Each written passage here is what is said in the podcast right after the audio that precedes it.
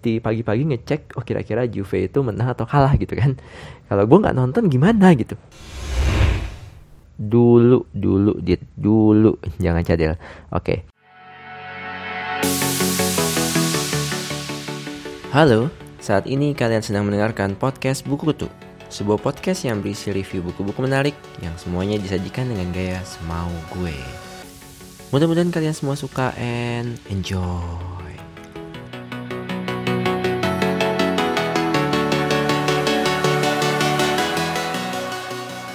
Halo guys, ketemu lagi sama gue Aditya Hadi alias Kutu Baca Buku Kali ini gue hadir kembali di minggu yang sama Untuk memuaskan dahaga kalian pada podcast gue yang sudah lama tidak terbit Tidak tayang, tidak publish ah, Apa sih dit?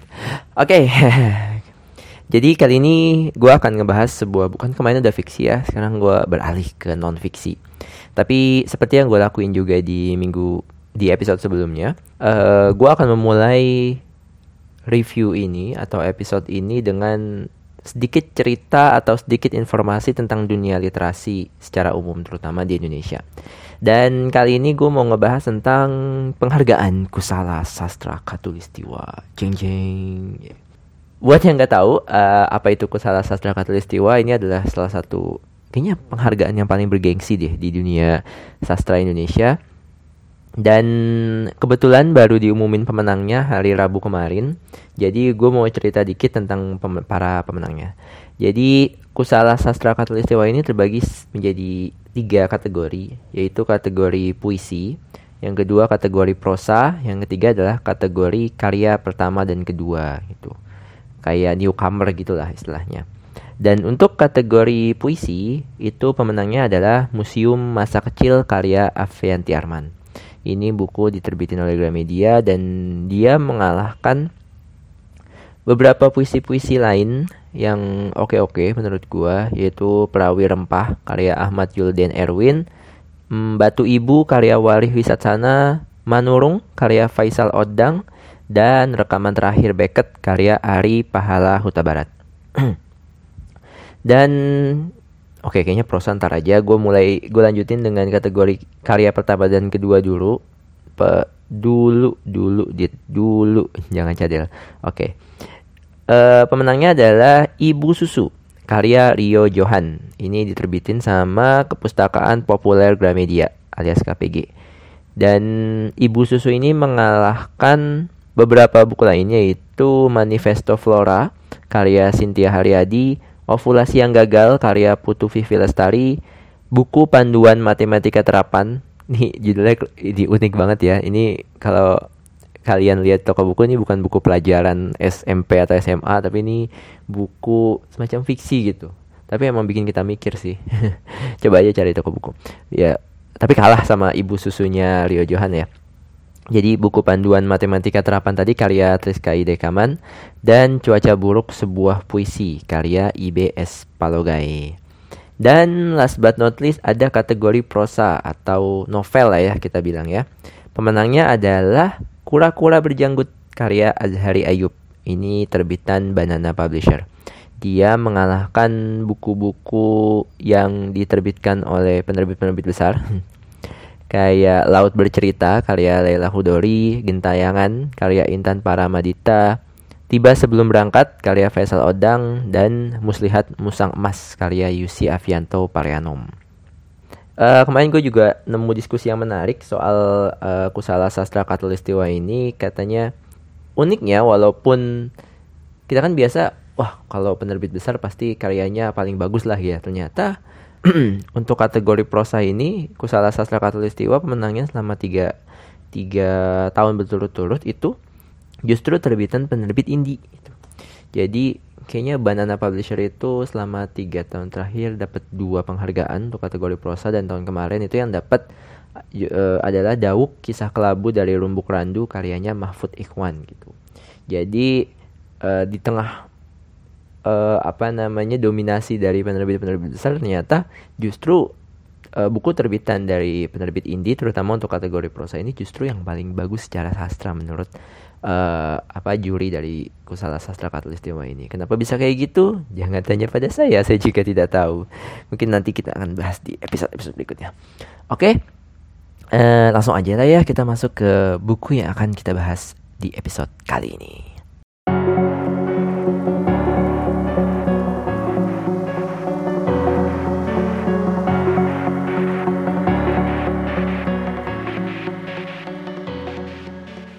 Kali ini gue mau bahas sebuah buku yang judulnya Make Time, How to Focus on What Matters Every Day. Ini buku baru banget, diterbitin tanggal 25 September 2018. Ini pertengahan Oktober, jadi baru-baru banget lah, baru beberapa minggu. Dan kenapa gue memutuskan untuk baca buku ini dan selesai dalam waktu cuman beberapa hari lah ya. Karena pengarangnya itu adalah Jack Knapp dan John Zeratsky. Mungkin yang belum tahu mereka itu siapa. Mereka itu terkenal dengan buku sebuah buku yang judulnya Sprint. Nah, Sprint ini uh, adalah sebuah metode yang dikembangkan di Google. Jadi gimana kita tuh bisa kan kalau ada masalah itu harus diselesaikan dengan cepat gitu. Cuman kadang-kadang solusinya kan kita butuh waktu beberapa uh, minggu atau beberapa bulan dan kadang-kadang juga solusinya nggak nggak nggak efektif gitu. Nah, si Jack Knapp dan John Zeratsky ini sama temennya satu namanya Brad Kowitz itu bi uh, bikin konsep uh, untuk inovasi yang namanya sprint. Nah, gimana caranya sprint itu? Jadi sprint itu efisiensikan waktu, bikin compact waktu untuk membuat inovasi itu hanya dalam waktu seminggu. Jadi di hari Senin kamu harus cari akar masalah dari misalnya oh uh, eh, gue bikin e-commerce tapi penggunanya nggak naik-naik. Nah di Senin itu dicari sebenarnya apa yang bikin pengguna itu nggak naik-naik gitu. Kemudian di hari Selasa jadi kayak kayak pimpinan-pimpinannya pada ngumpul untuk memutuskan uh, apa sih masalah utamanya. Kemudian di hari Selasa apa namanya masing-masing bikin tuh solusi apa yang kira-kira memungkinkan. Di hari Rabu tentuin solusi yang mau dibuat di hari Kamis bikin prototype dari solusi tersebut, kira-kira apa yang mesti dibuat untuk bikin masalah tadi hilang. Dan hari Jumat dicoba deh uh, solusi tadi ke para pengguna-pengguna beberapa doang sih. Dan biasanya ada wawancara juga untuk memutuskan kalau ini akan lanjut atau enggak. Nah kayak gitu. Uh, buku itu terkenal banget di kalangan terutama yang uh, akrab dengan startup teknologi desain sprint, sprint macam-macam lah ya. Semuanya pada ngelakuin itu dan uh, itulah kenapa gue tertarik banget ketika tahu si Jack Knapp sama John Zeratsky ini bikin buku baru yang judulnya Make Time. Dan entah kenapa satu pengarang lagi namanya Brad Kowitz ini ditinggalkan gue juga nggak tahu udah nggak temenan atau gimana nggak ya bercanda. Nah menurut Jack Knapp dan John Zeratsky, John Zeratsky ini dia maunya disingkat namanya jadi Jay Z mungkin biar apa namanya mirip sama rapper terkenal. Menurut Jack Knapp dan Jay-Z ini, uh, manusia itu sekarang banyak merasakan kalau waktu 24 jam itu terasa tidak cukup. Iya gak sih? Lu juga ngelakuin ngerasain hal yang sama juga gak sih? Gue sendiri juga ngerasain gitu. kadang kadang-kadang wah kita udah kerja seharian gitu kok waktu nggak cukup harusnya sehari itu ada 30 jam atau 100 jam gitu. Jadi biar kita ada waktu untuk mengerjakan segalanya gitu. Kenapa kita jadi kayak gitu? Padahal di zaman dulu kalau uh, ngelihat apa ya sejarahnya manusia purba atau manusia yang sebelum ada teknologi-teknologi baru gitu itu mereka adem ayem aja gitu. Bahkan mungkin kalau kita ke kampung ngelihat orang-orang yang di misalnya Baduy dalam gitu mereka mungkin nggak ngerasain hal yang sama dengan kita gitu. Nah menurut Jack Knapp dan Jay Z masalahnya itu muncul karena dua hal. Yang pertama itu adalah busy bandwagon. Busy bandwagon ini adalah keinginan untuk terlihat atau terasa sibuk gitu. Jadi sebenarnya uh, kayak email itu harus kosong atau misalnya uh, pokoknya kalau ada kalau gue ya penulis, oh habis nulis harus nulis yang baru lagi, harus nulis yang baru lagi. Pokoknya kalau tulisannya nggak sampai sekian tuh artinya gue nggak produktif semacam itu. Kedua, itu adalah karena infinity pools alias endless distraction. Endless distraction ini maksudnya apa? Maksudnya ya apps-apps sosial media, intinya sih apps sosial media yang bikin kita uh, terdistract dari lagi ngelakuin sesuatu tiba-tiba buka Facebook ngelakuin sesuatu tiba-tiba buka YouTube seperti itu pokoknya kuncinya kalau sebuah alat atau layanan itu punya tombol refresh nah itu artinya itu termasuk dari Infinity Pulse tadi itu menurut si Jack Knapp dan John Zeraski jadi mulai dari YouTube, uh, Gmail, Facebook, Twitter, Pinterest, Instagram baik yang stories maupun yang posting dan sign lain-lain sebagainya itu semua adalah Infinity Pulse yang menurut mereka harus kita hindari. Bagaimana caranya? Ada uh, kalau yang kalian udah pernah baca buku uh, Sprint tuh pasti kalian tahu kalau si Jack Knapp dan Jay Z ini emang identik dengan uh, solusi yang praktis. Jadi kadang jadi semuanya tuh terstruktur bahkan mereka tuh bikinin kayak form yang bisa kita isi bahkan mereka tuh jelasin oh kalau misalnya mau ngelakuin sprint itu mesti nyiapin berapa spidol, berapa permen gitu, berapa kertas kayak gitu. Itu itu detail banget mereka biar kita bisa langsung ngelakuin. Nah, di buku ini juga mereka ngelakuin hal yang sama. Jadi strukturnya menurut Jack Knapp dan Jay Z untuk bisa make time bisa membuat waktu kita menjadi berharga, bisa fokus dengan hal yang penting untuk hari-hari kita, itu adalah pertama kita mesti highlight. Highlight ini artinya memilih apa hal penting yang mau kita lakuin di satu hari. Jadi tiap hari harus ada satu hal penting yang kita mau kerjain. Cuma satu, nggak boleh dua, nggak boleh tiga, cuma satu. Yang kedua, laser. Laser ini adalah kita ngilangin semua uh, distraksi-distraksi yang ada untuk benar-benar menyelesaikan highlight tersebut. Kemudian yang ketiga adalah energize. Energize ini gimana kita mengatur energi biar nggak uh, apa namanya layu sebelum berkembang cila biar kita bisa nyelesain highlight tadi tanpa hambatan fisik. Dan yang keempat adalah reflect. Reflect ini di mana kita mereview di akhir hari oh selesai nggak sih? Atau highlight kita berguna nggak sih? dan lain sebagainya Nah mungkin kita coba lebih dalam lagi ya sebenarnya gimana sih coba cara nentuin highlight itu gimana? Nah menurut mereka highlight itu ada tiga, uh, ada tiga tiga kriteria. Pertama dia harus urgent, jadi misalnya deadline-nya tuh harus bener-bener deket.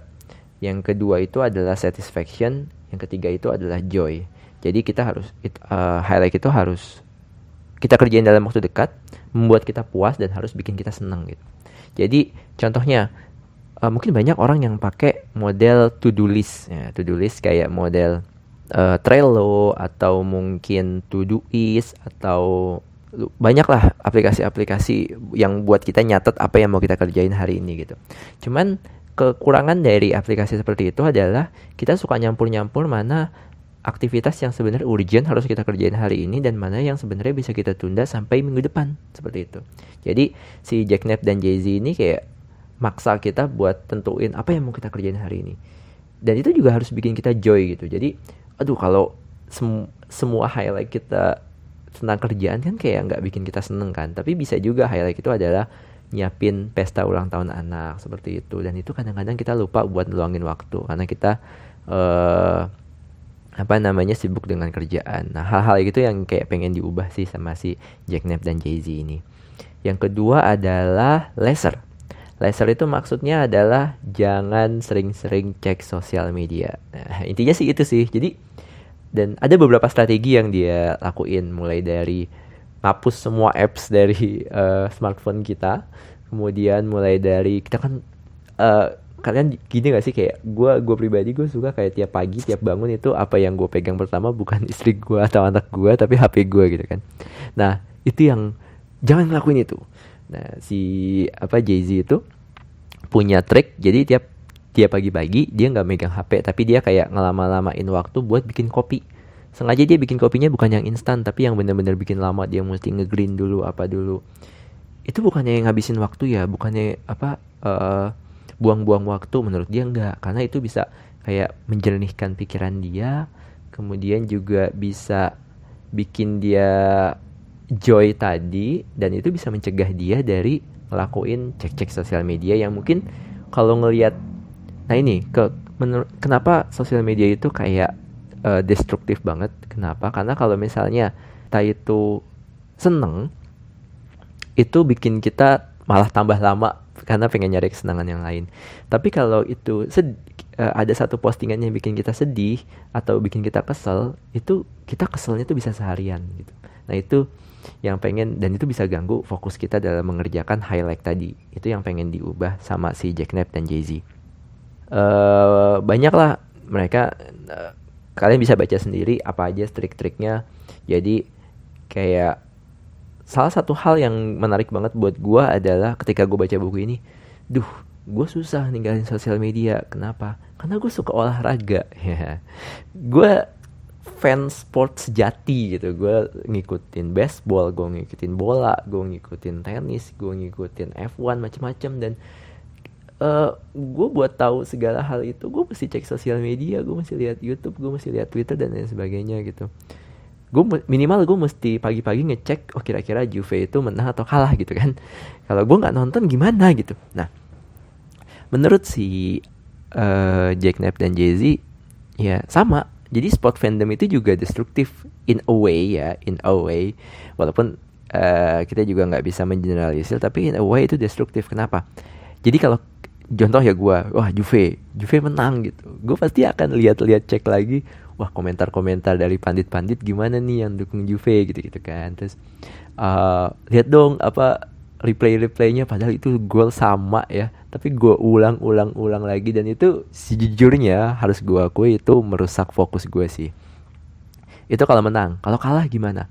Kalau kalah stres lah. Stres gitu gue di kantor dikata-katain gimana di Juve kalah? gitu-gitu. Itu bikin gue stres gitu. Dan itu sama juga bisa ngerusak fokus itu. Solusi solusinya gimana? Kalau kita fans olahraga dan kita pengen juga tetap ngeluangin waktu untuk uh, highlight tadi untuk apa namanya fokus ngerjain hal yang penting buat kita. Nah menurut menurut si Jack Knapp dan Jay Z ini adalah udah kita jadi sport fandom tuh yang biasa-biasa aja. Hmm, mungkin nonton oh kalau gue suka Juve ya udah nonton Juve pertandingan ya udah kelar gitu kalaupun menang kalah gak usah cek-cek sosial media atau minimal cek sekali tapi udah di stop kayak gitu atau ini lebih parah kalau misalnya baseball sih kalau baseball itu kalau kalian tahu atau es uh, hoki es itu itu mainnya tiap hari jadi tiap hari itu pasti ada pertandingan gak kayak bola yang mungkin seminggu sekali ya jadi baseball itu dalam sekian bulan uh, musim itu itu tiap hari main gitu dan bayangin kalau kita ngikutin pertandingan itu tiap hari gimana tersia-sianya waktu kita gitu. Nah kayak gitu si Jack Knapp dan Jay Z menyarankan ya udah nontonnya nanti aja kalau misalnya pertandingan-pertandingan penting atau seminggu sekali atau ketika pas tim lo masuk final pas nonton finalnya aja kayak gitu. Demi untuk biar waktu kita nggak terbuang sia-sia. Dan kita juga nggak akan bisa uh, highlight dan laser tadi kalau energi kita nggak bagus itu. Makanya dia gimana e, menyarankan kita buat jaga tidur. Karena kalau kita tidur telat itu sebenarnya nggak bisa di e, apa namanya oh kita tidur telat nih cuma dua jam terus besoknya tidur e, 9 jam itu itu nggak akan bisa bikin kita jadi lebih bertenaga juga gitu. Malah bisa bikin kita tambah capek. Kemudian gimana mereka juga ngasih beberapa saran gimana kita bisa ngatur asupan kafein biar itu lebih uh, bikin kita bertenaga bukan bikin kita malah tambah capek kayak gitu. Dan ya di akhir hari kita harus reflect reflect apa yang udah kita kerjain hari ini bermanfaat nggak buat kita buat orang lain bener-bener kita bisa ngatur waktu dengan baik nggak? Bener-bener kita bisa nentuin fokus hidup kita atau enggak atau kita terlalu sibuk dengan kerjaan ngelupain keluarga kita? Atau malah kita sibuk dengan keluarga tapi ngelupain kerjaan? Kayak gitu. Dan ada satu kata-kata yang menarik banget buat gue yaitu ini gue terjemahin aja ya harusnya bahasa Inggris. Jadi kayak jangan tanya apa yang dibutuhkan dunia tapi tanya diri kamu apa yang bikin kamu menjadi manusia yang hidup hidup itu dalam arti uh, punya fokus yang baik, punya prioritas yang baik, bisa memanfaatkan waktu dengan baik, bisa berkontribusi terhadap dunia seperti itu ya. Jadi jangan tanya apa yang dibutuhkan dunia. Gak usah tanya, aduh dunia kayaknya lagi global warming deh, dunia lagi ini deh, gak usah. Jadi jangan tanya apa yang dibutuhkan dunia, tapi tanya diri kamu apa yang bikin kamu menjadi manusia yang benar-benar hidup. Karena dunia sebenarnya cuma butuh manusia yang benar-benar hidup. Jreng. Ini kalau bisa ada apa sound sound tepuk tangan gitu. Oke selanjutnya gue akan lanjut lagi nanti di segmen berikutnya dengan komentar atau opini gue tentang buku ini. Stay tune.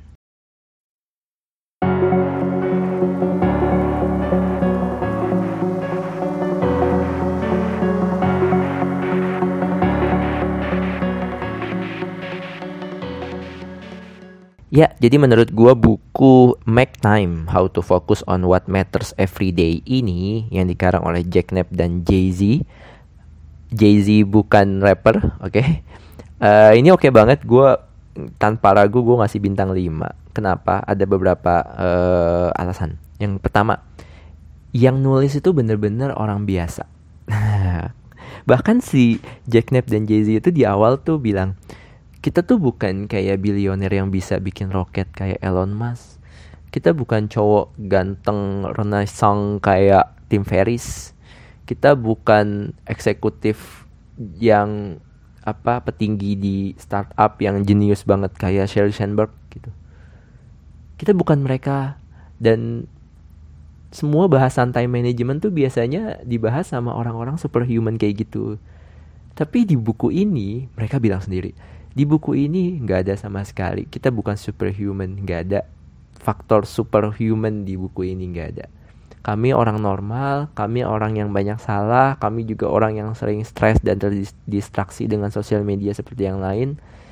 Dan mereka cuma pengen kayak share pengalaman mereka yang menurut mereka efektif dan ya semoga berguna buat orang lain.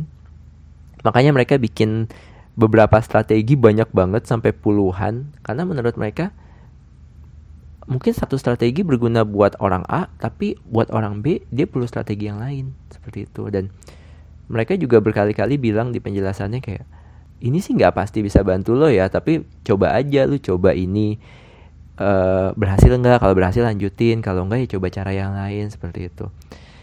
Dan tapi terus kenapa mereka kita harus baca buku ini? Kenapa? Karena uh, layak nggak sih mereka untuk ngomongin soal time management. Dan menurut mereka mereka ngomong sendiri dan menurut gue juga itu layak banget. Kenapa? Karena mereka punya background sebagai product designer. Mereka adalah orang-orang yang pernah bekerja di Google yang pernah bikin bantuin bikin Gmail pernah bantuin bikin YouTube. Dan waktu itu tugas mereka adalah bagaimana layanan ini bisa masuk ke aktivitas kita sehari-hari ke kehidupan masyarakat sehari-hari. Dan di buku ini mereka coba lakuin hal yang sama. Mereka coba berusaha untuk cari cara bagaimana kehidupan kita bisa lebih baik dan itu bisa kita terapin dalam kehidupan sehari-hari. Gitu. Itu yang pertama. Ini buku ini ditulis oleh orang biasa. Kedua, buku ini bener-bener ini ada yang uh, nanya di ketika gue share kalau gue lagi baca buku ini ada yang nanya salah satu editor di KPG. Dit, ini scientific dan praktikal nggak? Gitu. Ini praktis buat dilakukan penjelasannya dan scientific nggak? Harus gue jawab uh, buku ini sama sekali nggak scientific sih. Uh, mereka no ngasih strategi-strategi untuk ngelakuin itu semua untuk bisa bikin hidup kita lebih baik, bisa kita dapat memanfaatkan waktu dengan baik. Mereka asalnya coba-coba kalau gue lihat. Jadi mereka bukan peneliti psikolog yang berdasarkan penelitian dan sebagainya gitu. Mereka awalnya sih dari coba-coba. Dan tapi buku ini praktis. Kalian bisa kayak langsung coba. Bahkan mereka kayak bikin kayak checklist gitu yang kita bisa kayak cek cek cek mana yang kita lakuin mana yang enggak kayak gitu. Jadi bener-bener abis baca buku ini besoknya atau hari itu juga kalian bisa langsung lakuin sih. Jadi bener-bener praktis walaupun nggak terlalu saintifik dan yang ketiga adalah kenapa gue suka buku ini kenapa gue kasih bintang 5 adalah it makes me better sih. Buku ini bener-bener kayak nampar gue buat dit lu nggak bisa sibuk-sibuk itu aja. Lu tuh cuma pura-pura sibuk lu nggak sibuk beneran gitu. You just have to uh, set your priority right gitu. Dalam hidup uh, kita harus tentuin prioritas apa yang mau kita bangun kita mau ngelakuin apa kita mau bermanfaat buat siapa di hidup ini dan kita cuma punya waktu 24 jam dalam sehari. Mari kita manfaatkan baik-baik dengan strategi-strategi yang mereka bangun dan ya ya gue dalam beberapa waktu terakhir gue juga udah ngerasain gimana kalau gue bukan seperti yang gue bilang tadi gue cuman kayak ngerasa sok sibuk tapi gue nggak sibuk beneran gitu ada strategi-strategi yang sebenarnya bisa gue lakuin yang itu bisa bikin gue nggak sibuk. Tapi gue nggak lakuin itu. Kenapa? Karena I enjoy business gitu. Gue harus lakuin itu sih. Dan buku ini benar-benar nampar gue dan dorong banget gue buat jadi lebih baik. Dan that's why I also recommend other people buat baca ini juga gitu sih gila gue jadi kayak filosofis gitu ya. Jarang-jarang kan jadi apa ya gue selalu suka sih buku-buku karakter kayak gini. Dan gue akan bahas buku-buku kayak gini juga biar kalian juga baca. Oke okay, that's all from me. See you in other episode. Buat yang mau kasih komentar masukan dit baca buku ini dong review buku ini dong dan lain sebagainya bisa langsung uh, email aja ke gue aditya.hadi@gmail.com atau Twitter adhat underscore Instagram aditya hadi Facebook Aditya Hadi atau at Aditya Hadi page. Apalagi ya? WhatsApp lo nggak sih WhatsApp? WhatsApp ya? WhatsApp 087871663389 gue cek ya nanti ada nggak yang WhatsApp gue kalau ada berarti sekalian dengerin sampai akhir. Oke okay, sampai ketemu minggu depan. See you and ciao.